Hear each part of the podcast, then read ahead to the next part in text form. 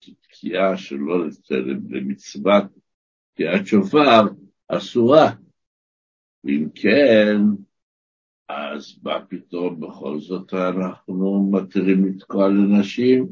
התשובה אומרת מה זקן, כפי שכתוב במקומות שקדמו לו, מכל מקום, כדי לעשות נחת רוח לנשים, התירו להם איסור קל כזה, כיוון שזה לא באיסורי דרבנן גוף, ולא ניכנס להסבר מדוע ולמה זה נחשב למה איסור. מהקלים יותר, אסור אסור, נכון, אסור לתקע סתם בשופר בראש שנה, למרות שאיסור קל, איסור חמול, איך כתוב, אל תהי יושב ושוקל את המצוות, המצוות, כל מצווה זה מצווה, כמו שהקדוש ברוך הוא ציווה עליה, וזה היסוד של כל מצווה. אבל סדר ההלכתי, מצא האיסור הזה נחשב לאיסור קל מדרבנן, ולכן לעשות נחת רוח לנשים התירו. כמדומני, ואם יש פה תלמידי חכמים מופלגים במקשיבי השיעור, שיודעים אחרת, תעדכנו אותי, לא מופיע נוסח כזה ומין אה, התייחסות כזאת בכל התורה כולה, שהתירו משהו מסוים שלכאורה הוא לא מותר רק כדי לעשות נחת רוח. כן, יש מצבים של שעתת חג הפסד מרובה, יש כל מיני פרמטרים שמותר מתירים, אבל זאת נחת רוח לאנשים. משהו מאוד מאוד מיוחד, בוא נגיד ככה. על כל פנים, ולכן כתוב שאפילו אה, לא רק שלהם עצמם מותר לתקוע בשופר, גם אדם אחר שכבר יצא ידי חובת תקיעה והוא לא יצא ידי חובת בתקיעות הללו שתוקע עליהם, הוא תוקע אך ורק בשביל אנשים. אף פי כתוב שמותר לתקוע עליהם, בנוגע לברכה, אז כך המנהג הלכה למעשה לפי דעת הפוסקים האשכנזים, שנהגו שאנשים מברכות על כל מצוות עשה של זמן גרמה, אם זה שופר, אם זה בסוכה, אם זה נטילת לולב, גם מצווה של זמן גרמה שפטורות בעיקרון, אם הן מקיימות אותן ורוצות לקיים אותן, מברכות. כן, שדעת מרן הבית יוסף היא אחרת, ואלה שנוהגות כמנהגי הספרדים, בטח יודעות את ההלכות כפי שהן נוהגות למעשה. על כל פנים, אבל כיוון שסוף כל סוף הנשים פטורות, אז מזהירים פה שהנשים יברך, שהן תברכנה בעצמן, ולא שהגבר שמוציא אותם מידי חובת התקיעות יברך עבורם, כן? מי שלא יודע, אז הוא אומר, הנה, אני תוקע תקיעת שופר לציבור מסוים, אז אני זוכר בבית הכנסת שהבעל תוקע, הוא המברך, אז הוא אומר לך לא. שאתה תוקע רק בשביל נשים ולא בשביל להוציא גברים ידי חובה, כיוון שהן פטורות, ולהם התירו לברך. אבל אתה, שתברך עבורם, זה לא.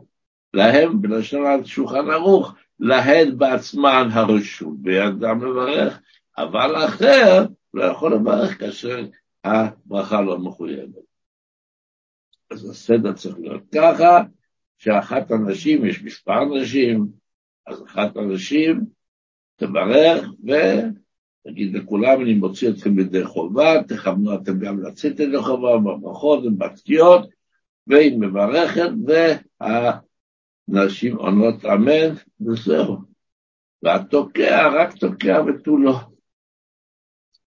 ולכן נזכרנו בסוף השיעור הקודם שבסימן אחר בשולחן ערוך, כשמדברים על חובת השמיעה, בת כמה, מה מעכב ומה לא מעכב, כותבת שם בשולחן ערוך זקן שאין להביא קטנים, ילדים קטנים, שלא הגיעו לחינוך לבית הכנסת בתקיעות. הילדים שהגיעו לחינוך בגיל שש או שבע, תלוי לפי חמיפות התינוק, אז חייבים, האבא היה במצוות חינוך להביא אותם לבית הכנסת, ושיעמדו לידו וישגיח עליהם שבאמת יקשיבו לכל התקיעות ויצאו ידי חובה. אבל קטנים שלא הגיעו לחינוך, לא להביא לבית הכנסת בית התקיעות, שלא יבלבלו דעת השומעים. החדשים יקחו אותו אצלן. מדוע האנשים, למה הם כן צריכות? הן פטורות, כמו שנתבהר, הרי אמרנו שאנשים בעיקרון פטורות, אלא מה? ובכל זאת, כן. אז כמובן שכאשר השיקול הוא האם התינוק הזה יפריע לגברים לשמוע, או בעזרת נשים, אז אין מה לעשות, הם פטורות והם חייבים, אז לכן אנשים חזרו אצלם. עכשיו, בהמשך לענייני תקיעת שופר, שדיברנו, אדמו"ר זקן בסידור, הסידור בנוסח סידור קהילת השם, המחזורים נוסח, האדמו"ר זקן, הוא כותב בסידור, בכותרת לפני תקיעת שופר, ויכין עצמו לתקוע שופר, ויאמר מזמור למנצח וכולי. שואלת השאלה, מה זה ויכין עצמו לתקוע שופר, מה לעשות?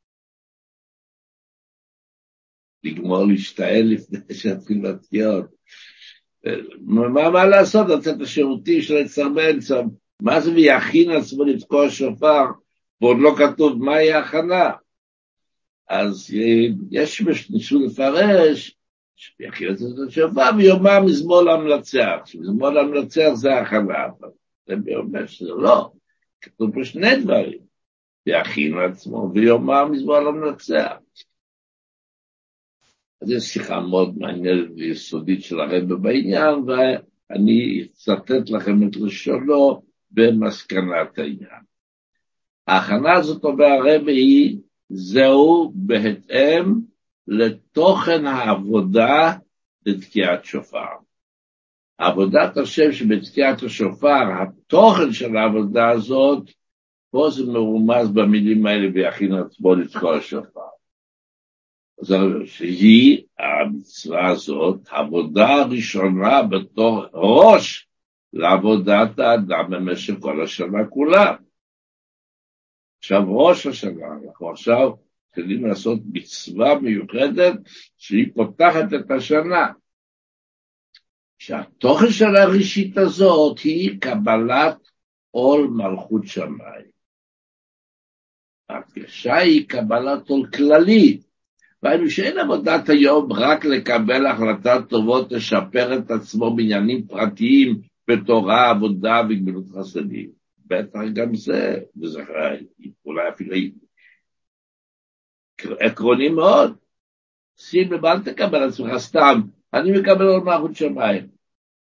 תחשוב על מה מדובר, תחשוב מהם הדברים שבהם אתה במשך השנה לא כל כך התנהגת בהנהגה של עול מלכות שמיים, וכפי שכתוב בתניא בפרק מ"א הידוע, שראשית העבודה העיקרה ושורשה זה קבלת עול מלכות שמיים, כמו שור לעול וחמור למסע, שבלי להתחשב עד כמה זה טוב וקל ונעים, אבל מקבל עליו עול מלכות שמיים. לא, זה קבלת, זה בטח צריך את לשפר את עצמו בעניינים פרטיים בתורה עבודה גבוהות חסדים. וכתוב באמת שכשאדם סתם מקבל על עצמו שהוא יהיה בסדר ולא חושב על הפרטים, זה לא עובד, כיוון שעכשיו הוא במה שקוראים בשפה שהוא בהיי, הוא עכשיו ברגשות, ועכשיו הוא בטוח שהכל יהיה בסדר, והיום אני כבר כל השטויות האלה שנכשלתי במה שנה, זה לא יקרה יותר. אבל אחרי התפילה, אחרי הסעודה זה חולף לאט לאט, נכנסים לימי החול, זה לא, אתה לא יכול לחיות כל הזמן בהרגשות האלה. ולכן כתוב מפורש שאם לא חושבים בשעת ההתעוררות תשובה, על מה אני מקבל על עצמי, ומה הם הדברים שצריכים לתקן אותם, ואיך אני אתקן אותם, אז זה לא נשאר מזה. אז נכון, זה צריך להיות, אבל זה לא העבודה עכשיו. העבודה של קריאת שופר, תורו של עבודת אדם יש כבר השנה כולה, אני מצטט שוב, שתוכן ראשית זוהי קבלת עול מחד שמיים קבלת עול כללית, והיינו שאין עבודת היום רק קבלת החלטות טובות לשפר את עצמו בעניינים פרטיים בתורה, עבודה גבוהות חסדים, אלא מסירה כללית להשם, מעומק הנפש. וזה מה שכותב אדמו"ר זקין, יקין עצמו לתקוע בשופר, ולא כתב שום עניין פרטי, זה בכוונה. כי זהו כל תוכן תקיעת שופר, הכנה כללית לעבודת השם, במשך כל השנה כולה שלמעלה מפרטים. התמסרות. יחיד עצמו, מה? לא, לא, אל תיכנס, זה לא קשור לפרטים. הכנה לתקיעת שופר זה אני הולך להתנסה לקדוש ברוך הוא ככל אשר רצונו יתברך מבקש ודורש. ובכן, נמשיך בחלק ההלכתי, אדם שמתפלל, יש את התקיעות שופר, ידוע שיש את התקיעות של אחרי קריאת התורה לפני תפילת מוסף, במהלך תפילת מוסף מלכיות, זיכרונות ושופרות, כן? במוסף יש שלוש ברכות, מלך על המלכות, זוכר, אחרי כן יש את הפסוקים של השופרות והברכה של תקיעה.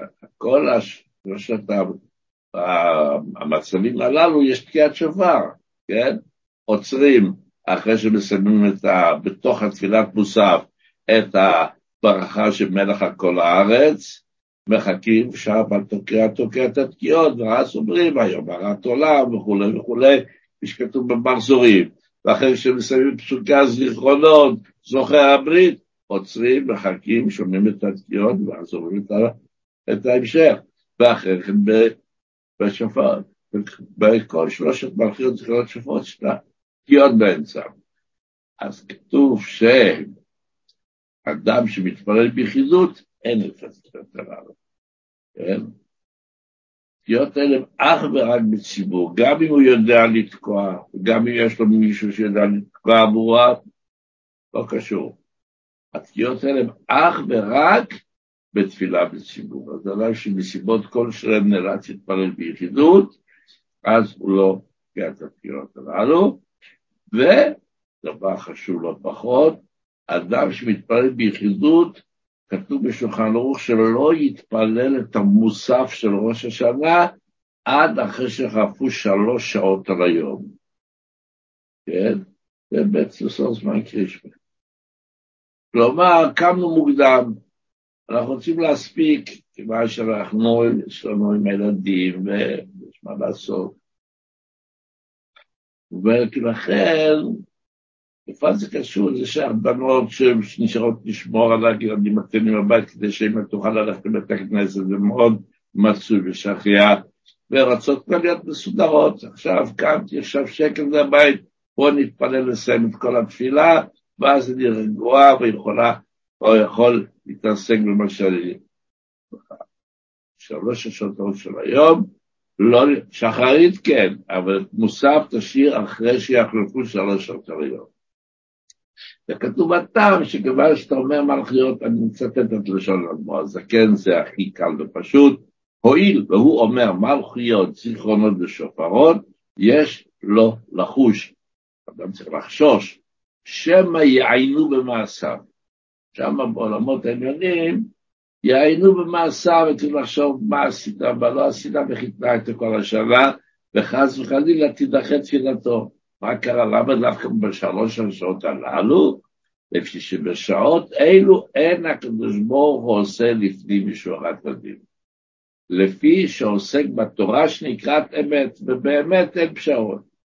אבל אחרי גימול שעות, זה הזמן שקדוש ברוך הוא מתקשר לדון את העולם כולו. לא מתייחסים אליך באופן פרטי עכשיו. עכשיו צריך לדבר את כל העולם, לא רק אותך. מכיוון שרואה שאין העולם יכול לעמוד בדין, זה ציטוט על השלוש כמוך, כן? אז ברוך רואה שכשהוא מתייחס לא אליך, אלא לכל העולם, אם אני אלך במידת הדין חס וחלילה, אין העולם יכול לעמוד בדין. נכנסתי בהם לפנים משורת הדין, ולא תידחה תפילתו. אז חשוב לידע באמת, הבנות של תורת בבית, כל מי שנאלץ להתפלל ביחידות, שתפילת שחר מותקן, מוסף, לחכות עד אחרי שלוש שעות, ומטה מאמור, אז כתוב גם כי ייזהר שלא יתקע תקיעת מצווה עד לאחר גימול שעות הריון.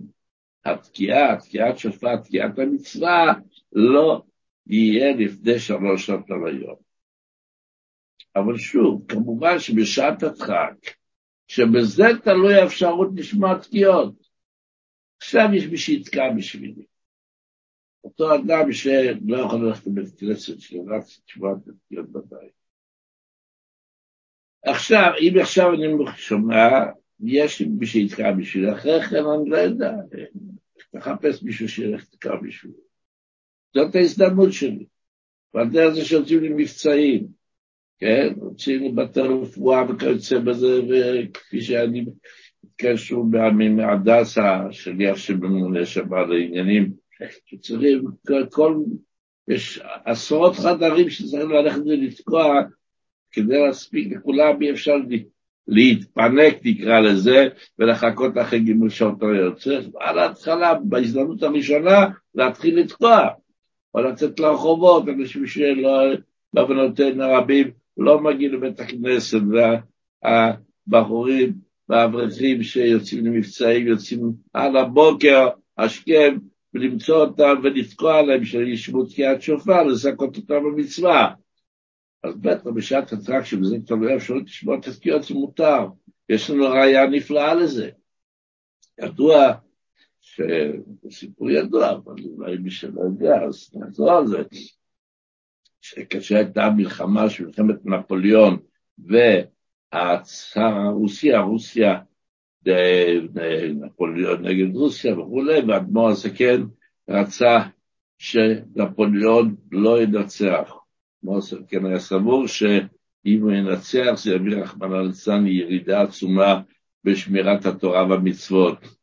היו צדיקים, תלמידי הבעל שם טוב, אה, כמו המגיד מקושי וכיוצא בזה שהם היו סבור, סברו אחרת, הם סברו לא, מספיק עם ישראל סבל, אצל הרוסים הגיע הזמן לקבל קצת חופש כמו שהצרפתים יודעים מבטיחים, והם רצו שנפוליאון ינצח, והיה ידוע ביניהם, בין הצדיקים, ראשי עליון שידעו מה קורה בעולמות העליונים, שמי שיתקע בשופר הראשון הוא זה שהדעה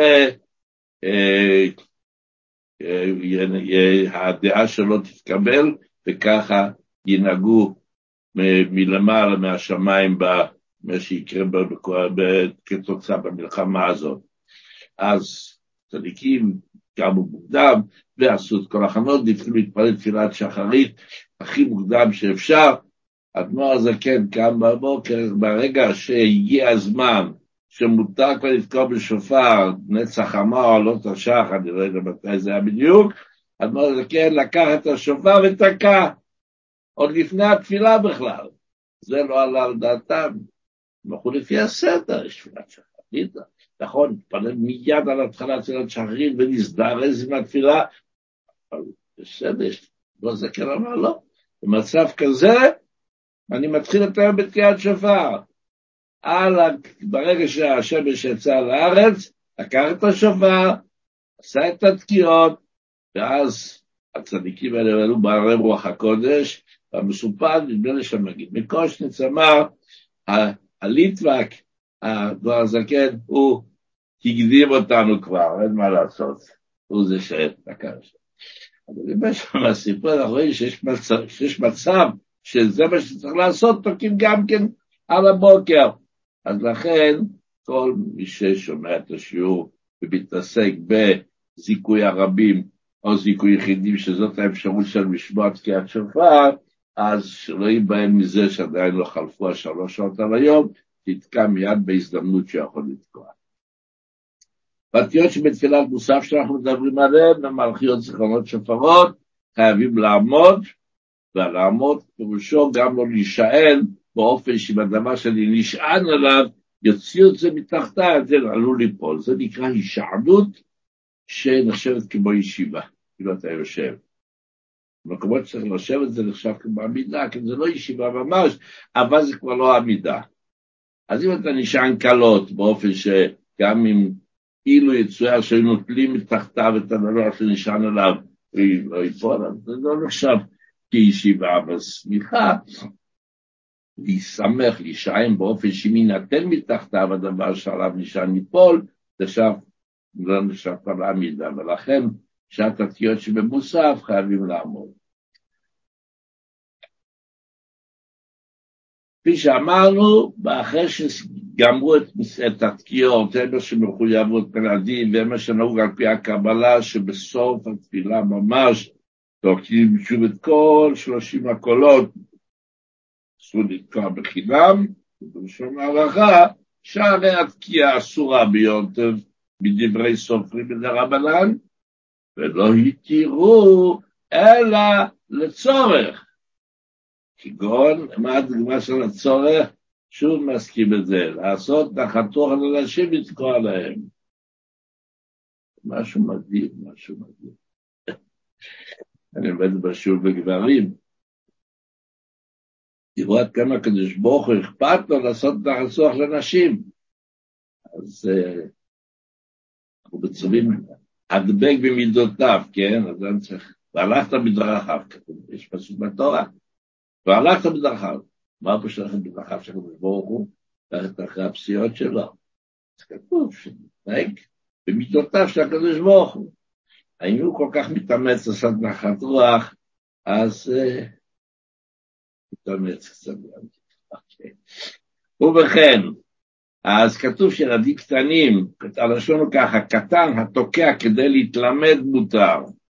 הלשון הוא ככה, בשולחן ערוך אני אצטט את הלשון, אבל מותר לומר לקטן שיתקע, כדי שיתלמד, בין שהגיע לחינוך, בין שלא הגיע לחינוך, ומותר לו לתקוע כל היום, אפילו לאחר שישמע תקיעת שופר בית הכנסת. מה פתאום? לפי שמצווה על הגדולים ללמד את הקטנים לחנכם במצוות, אז זה שהוא מתלמד לתקוע, אז זה נחשב כאילו איזושהי מצווה מסוימת בתקיעות האלה של הילדים הקטנים. אז קצת אני לכאורה דייקתי, רשמתי את זה לעצמי פה לבירור נוסף. מפה מוכח שסתם ככה שילדים יתקעו, לא כדי להתלמד, סתם ככה לשחק, טו, טו, טו, טו, טו. זה לא. כתוב בלשון, מדוע מותר שמצווה על הגדולים ללמד את הקטנים לחנכם במצוות? אני מחנך אותו שידע לתקוע, שכשיגיע הזמן שיצטרך לתקוע, הוא כבר ידע לתקוע. כן, אבל כשזה לא נושא סתם ככה, סתם ככה ליצור שעשועי החג, לכאורה לא שזה פשוט. אשמח לקבל ממי ש... מתעמקים יותר אולי ממני, שיוכלו לעדכן אותי בשאלה הזאת. עכשיו, לשון השולחן ערוך הוא מצווה, שולחן ערוך. זה כתוב לשון מצווה, זה לא סתם ככה. מצווה לאכול ולשתות ולשמוח בראש השנה. כן. יש כאלה שגם בלאכול ולשתות הם קצת אה, לא כל כך מרגישים נוח עם זה, מה זה יום הדין, מה זאת אומרת, מתיישב לאכול ככה סעודה בשבילו. אבל בלשמוח פה המצב עוד יותר מסובך. שהוא אומר, יש אנשים שלוקחים את זה בצורה כזאת שהם לא בשמחה, זה יום הדין, אומר השולחן ערוך, שולחן ערוך זה מחייב כל אחד ואחת בלי יוצא מן הכלל ובלי תירוצים, מצווה לאכול ולשתות ולשמוח בראש השנה. אמנם, שימו לב עכשיו למדבר, לא יאכלו כל סובעם. מצווה לאכול לשתות, אני אוכל סעודת שמתמלא לגמרי. לא. למה לא יקילו ראש? בתהירת השם נתנם, זה ראש השנה. אבל לאכול ולשתות ולשמח. בספר נחמיה, בפרק כן בפסוק י', שם המקור לדין הזה, שולחן ערוך מבין את הפסוק.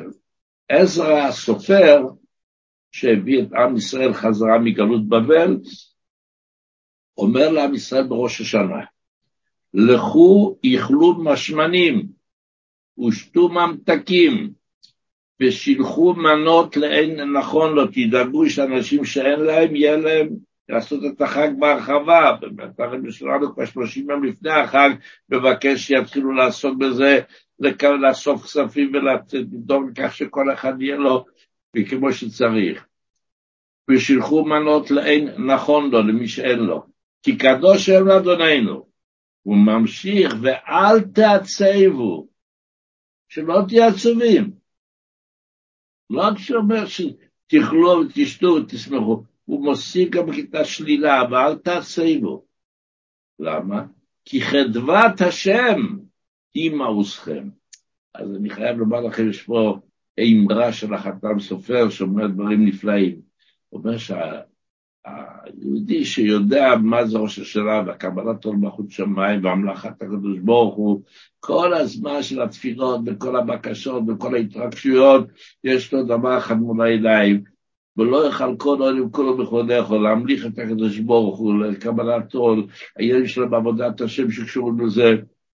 וכשהוא גומר את התפילה, אומר לעצמו, שכחתי לגמרי לבקש על אוכל, על פרנסה, על בריאות, בוא נחיים זוין לרוויחה, מרוב שהייתי עסוק רק בלהמליך את הקדוש ברוך הוא, ושכחתי, אז נגלה עצוב פתאום, פספסתי.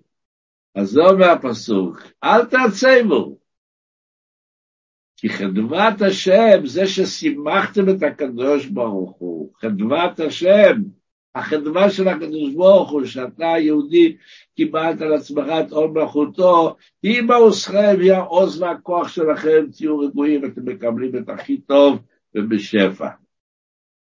תהיה לנו. עכשיו, בשנה הזאת, שיום טוב של ראש השנה חל בשבת, כן? אז יש כמה, כמה דברים שצריך לשים לב אליהם. אז ראשית כל, לשים לב שאסור להכין משבת ליום טוב. כלומר, במוצאי שבת, שזה ליל יום טוב של ראש השנה, אז, לא, אז, אז, אז מתחיל היום טוב השני. אז יש, אסור להכין משבת לזה, ובליל יום טוב שני אסור להסתיל לעשות מלאכות שאסורות בשבת ומותרות ביום טוב, בישולים למשל. בישולים שמותר לבשל ביום טוב, אז הנה, כבר יצא, יצאת הכוכבים, כתוב שזהו זה, אני כבר יכולה להתחיל לבשל. לא, לא, לא, לא, צריך להגיד קודם, ברוך המבדיל בין קודש לקודש. לא המבדיל בין קודש לחול, זה לא יום חול, זה יום טוב שני. מבדיל בין קודש לקודש, יש שתי סוגי, יש קדושת השבת וקדושת החג, וצריך לעשות את ההבדלה הזאת בדיבור, כן? ולפני שאנחנו מתחילים להתעסק בנרות ובדברים שמותרים ביום טוב אבל אסורים בשבת, צריך לפני כן להגיד ברוך המבדיל בין קודש לקודש. אז הדלקת נרות בליל יום טוב שני, אז אנחנו כמובן מדליקים בלילה, כן? ביום זה שבת עדיין. אז ראשית כל, אנחנו יודעים הרי שביום טוב שני דיברנו על זה ככה בשיעור הקודם, אני לא טועה שהיום טוב השני יש מצב של ספק בנוגע לברכת השהחיינו, כיוון שראש השנה נחשבים שני הימים יומא אריכתא, כי יום אחד ארוך שמורכב מ-48 שעות. אז ולכן יש ספק האם לברך שהחיינו, ולכן נוהגים שעל השולחן יהיה מונח פרי, חדש, שעוד לא אכלנו השנה, שחייבים לברך עליו שהחיינו, או למי שאין פרי חדש, ידאג שיהיה לו איזשהו בגד חדש, חשוב, חליפה וכיוצא בזה של אחים שהחיינו. והפרי החדש, בדרך כלל מתצחקים בפרי החדש, מונח על השולחן, וכאשר עושים את הקידוש ומגיעים לברכת שהחיינו, מביטים בפרי החדש מתכוונים גם עליו. כשדיברנו בשיעור הקודם, מתכוונים בעיקר על קדושת היום, כי בעצם מי שאין לו פרי חדש גם מברך שהחיינו, אבל כדי לצאת מספק, מכוון גם על הפרי החדש, ואחרי כן אוכלים את הפרי, עוד לפני נטילת ידיים, אחרי קידוש אוכלים את הפרי החדש, ומבחרים עליו רק בורא פרז ולא שהחיינו, כבר ברכנו בקידוש. אותו דבר בהדלקת הנרות, האישה הרי מברכת שהחיינו בשעת הדלקת הנרות. כן? היא מברכת על הדלקת הנרות, אשר קידשה על מצוותה וציווה על להדליק נר של יום הזיכרון לפי נוסח אדמו הזקן, או של יום תל לפי מנהגים אחרים, ואחרי רווחים שהחיינו, אז גם כן הפרי החדש שלו מונח על השולחן, והאישה שמדליקה נרות, מביטה בפרי החדש, מתכוונת להוציא גם אותו. אבל מכיוון שכך, אומרים הפוסקים שכדאי שלא תדלק לנרות מוקדם. הבעל עוד לא חזר בית הכנסת, היא רצה לעשות, לגמור, זה מדליקה נרות, זה הולכת לעשות את העיסוקים במטבח. לא, תשאיר את הדלקת הנרות כמה שיותר סמוך לקידוש. כשהבעל מגיע הביתה, לפני שעושים קידוש, אז תדליק את הנרות, כיוון שהברכת השחיינו תהיה כמה שיותר סמוכה לאכילת הפרי החדש. זה רק לכתחילה, זה לא מעכב, גם אם מדליקה במערכת השחיינו, ולפני כן זה גם כן בסדר, אבל לכתחילה, שלא יהיה הפסק מדי הגדול בין ברכת השחיינו, שכאמור מתכוונת לא רק על ההדלקה, אלא גם על הפרי החדש, שלא יפסק מדי הגדול על אכילת הפרי החדש. ובכן,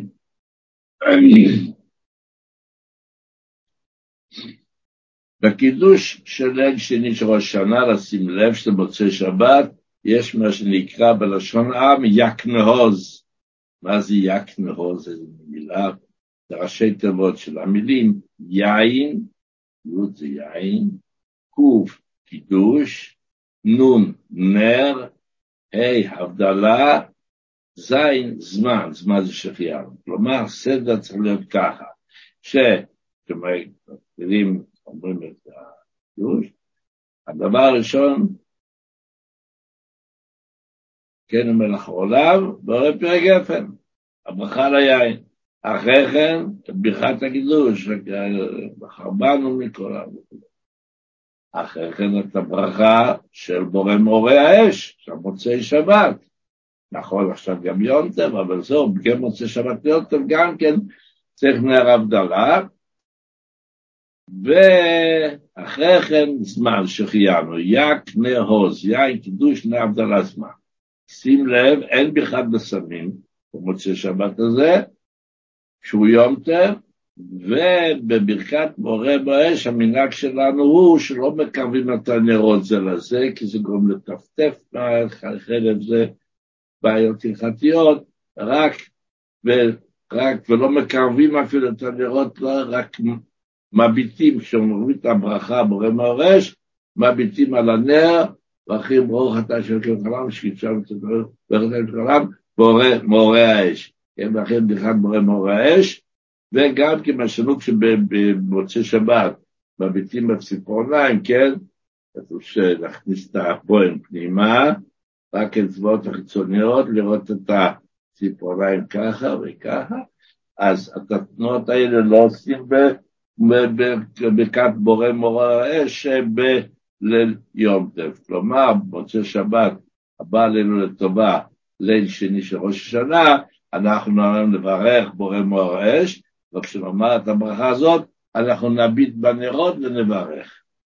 אבל לא נקרב את הנרות של זה ולא מביטים בציפורניים. עכשיו אנחנו כבר הסתדרנו עם ראש השנה ונכנסים לעשרת ימי תשובה. בשולחן ערוך כתוב שבעשרת ימי תשובה צריך אדם להיזהר ולדקדק יותר במעשיו מכל השנה כולה. הדוגמה שם יש דוגמה בנוגע להיזהר מפת עקום. כידוע שלחם שנאפה על ידי גויים במאפייה של גויים, אז יש גזירת חכמים שלא לאכול לחם כזה, רק לחם שנאפה על ידי יהודים, כל ידע הלכתי שקשור בזה, אבל במקומות שאין להשיג לחם אחר, אז כן אוכלים את הלחם הזה. היום ברוך השם זה מסודר, פחות או יותר אין כמעט בעיה כזאת, אבל כתוב בשולחן ערוך הדוגמה שגם שכל השאר לא נזהר מפס עכו"ם מלחם של גויים, עד עשרת בתשובה שעשי השתלטות גדולה לאכול בעצמו ולא לאכול את הלחם הזה. אז הרבי מדבר באחת השיחות שאומר דבר מעניין, אבל שיצטט לכם על שום בשיחה, ישנו פתגם בשם אדמו"ר הזקן בעלתניא, שראיתי בספר אחד מהרבי מרבני גליציה, ספר בשם שלום ותשובות מאחזי אברהם. וזה לשונו. כלומר, הוא לא מופיע במקורות החב"דיים, הוא מופיע בספר של רבני גליציה. מה כתוב? שאמר בעצם, שמעתי בשם הגאון הקדוש הרב בלתניא, במה שכתוב בשולחן ערוך שבעשרת ימי תשובה שישלט בפת עקום לחם של גויים, הכוונה שעל כל פנים בעשרת ימי תשובה צריכים להיזהר ממותרות. תסתפק במה שאתה צריך. זה לא הזמן למעדנים מיוחדים. וזה אכילת דברים שאתה לא צריך אותם בשביל הבריאות ולא בשביל הגוף שלך. זה מותרות, זה הווה פת עכו"ם, זה נקרא לחם של גויים. למה זה קשור לחלק הגויי שבאדם, לא לחלק היהודי. והמותרות שייכים לעשו. אחד על השלום העניין הזה. זה בור טוב שרציתי להזכות אתכם גם. על כל פנים, ממשיך שם בשולחן ערוך. ויש לכל אדם לחפש ולפשפש במעשיו ולשוב מהם בעשרת ימי תשובה. וספק עבירה צריך תשובה יותר מעבירה ודאית. כי עבירה ודאית, אדם מתחרט בכל ליבו. ספק עבורה הוא מתברך בלבבו, הוא משכנע את עצמו, לומר, אולי לא עשית את העבירה. זה ספק עבירה, ולא מתחרט על החרטה גמורה. ואז, מה שהעבירה מביאה איתה, שלא לא נדבר דברים לא חיוביים, כן? ולכן, ולכן היה צריך קורבן אשם תלוי, הבעל הספק, להיות יותר יקר מקורבן חטאת הבעל הוודאי. מעניין, זה כתוב בראשונים. יש מחיר שלפחות צריך להיות המחיר כמה שעלה לך אדם שעבר חטא שהוא צריך להביא קורבן חטאת, המינימום כמה צריך שיעלה הכבש, העוף או משהו מביא שם לקורבן. ויש את המחיר כמה צריך את המינימום שמביא אשם תלוי, אשם תלוי לספק העבירה, דוגמה שמובאת בהלכה, אדם אכל שומן, וספק אם זה היה שומן או חיינו. אז צריך להביא קורבן אשם, אשם תלוי יקרה בזה, אבל זה צריך לעלות יותר יקר בשם חטאת. שאלה השאלה, עבירה ודאית שעשיתי, ועשיתי בכוונה רחמנא ליצלן, אז אתה, הקדוש ברוך הוא מסתפק שאני אביא איזשהו קורבן שעולה בזול יותר. עשית מה שזה רק ספק, אם שבכלל לא עשית עבירה. זה צריך לעלות יותר כפליים, מה קרה? התשובה היא, שוב, ספר, כי על עבירה ודאית, אדם מתחרט בכל ליבו, ויודע, אין לי מה תירוצים. עשיתי מה שלא הייתי אמור לעשות.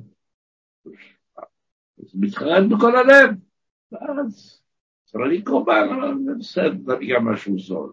אבל ספק עברה הוא מתברר ולומר, הוא משכנע את עצמו שמה לא עשית עבירה.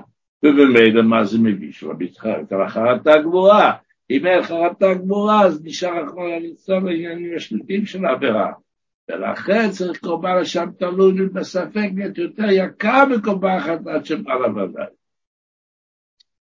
עכשיו, ימי עשרת בתשובה, בכל העולם לא משאומרים סליחות בעשרת בתשובה, ידעו שמנהג חב"ד בעשרת בתשובה כבר לא אומרים סליחות, חוץ מצום גדליה שאומרים את הסליחות, אבל לא בנוסח של סליחות שלפני התפילה, על הבוקר, אלא כמו בכל התעניות ציבור, כמו שבעה עשר בתמוז, עשרה בטבת וכיוצא בזה, שאחרי שמונה עשרה יש סדר סליחות, כפי שמוטס בסידורים שבנוסח הבא. בנוגע למילה הכפרות, אנחנו עוד מעט מסיימים, אנחנו מגיעים לערב יום הכיפורים עוד מעט, שזה שיעור הבא, מילה כפרות. אז ככה, בסידור האריזל, וכך מופיע בסידור של אדמו"ר הזקן, שהזמן הוא בערב יום כיפור. בערב יום כיפור, בשמעות הבוקר, אז לעשות את הכפרות. אבל העולם נוהג היום, לפי הפסק של גדולי ישראל, ובגדים ועוד מגדולי ישראל שהיו בתקופתו, קצת אחרי אדמו"ר הזקן באותה תקופה פחות או יותר, שהם כתבו שכאשר יש צורך בכך, אפשר להקדים את זה בכל עשרת ימי תשובה, בפרט כשיש ציבור גדול ומדובר במקום שיש קהל עם ישראל בלי עין הרע כן ירבו, שאם כולם יעשו בערב יום כיפור, השופטים יצטרכו לעמוד על הרגליים שעות על גבי שעות, ויכול להביא לכל מיני מכשולים, אז אדרבה, כדי שיהיה רגוע עניין, ניתן להגדיר את זה. יכול לעשות תשובה. כמובן מי שיכול, וזה לא גורם לבלאגן מיותר, כמו הרב, הרב עושה את זה בימים כיפור, אנחנו זכינו לראות, הרב לא נחשב עושה את הכפרות, אבל מגיע ומביא את, העוף של הכפרות בידיים, מביא אותו לחצר של 770, ושם היינו מתעסקים כולם מסביב, להביא אותו לשוחט, שחיטה וכיסוי אדם, המחזה מיוחד מאוד, נזכה בקרוב שוב, לתוכך כל ישראל וגאולה אמיתית והשלמה. כל פנים, הרבי חוקר במספר כפרות למעוברת. ידוע שכפרות לגבר לוקחים תרנגול זכר, לאישה לוקחים תרנגולת נקבה, טובה לילד, ילדה. עכשיו, כתוב שאם אישה בהיריון, לקחת שלושה כפרות, שלוש תרנגולים לכפרות. אחד בשביל האישה עצמה, ושתיים אחרים לספק, אולי ההיריון הוא בן, אולי ההיריון הוא בת. ולכן מספק לוקחים שלוש כפות, ככה כתוב בשולחן ערוך. אז הרב חוקר מה בנוגע לאישה שהיא בהיריון עם תאומים. הם צריכים לקחת עכשיו כבר חמישה כפרות בשנה.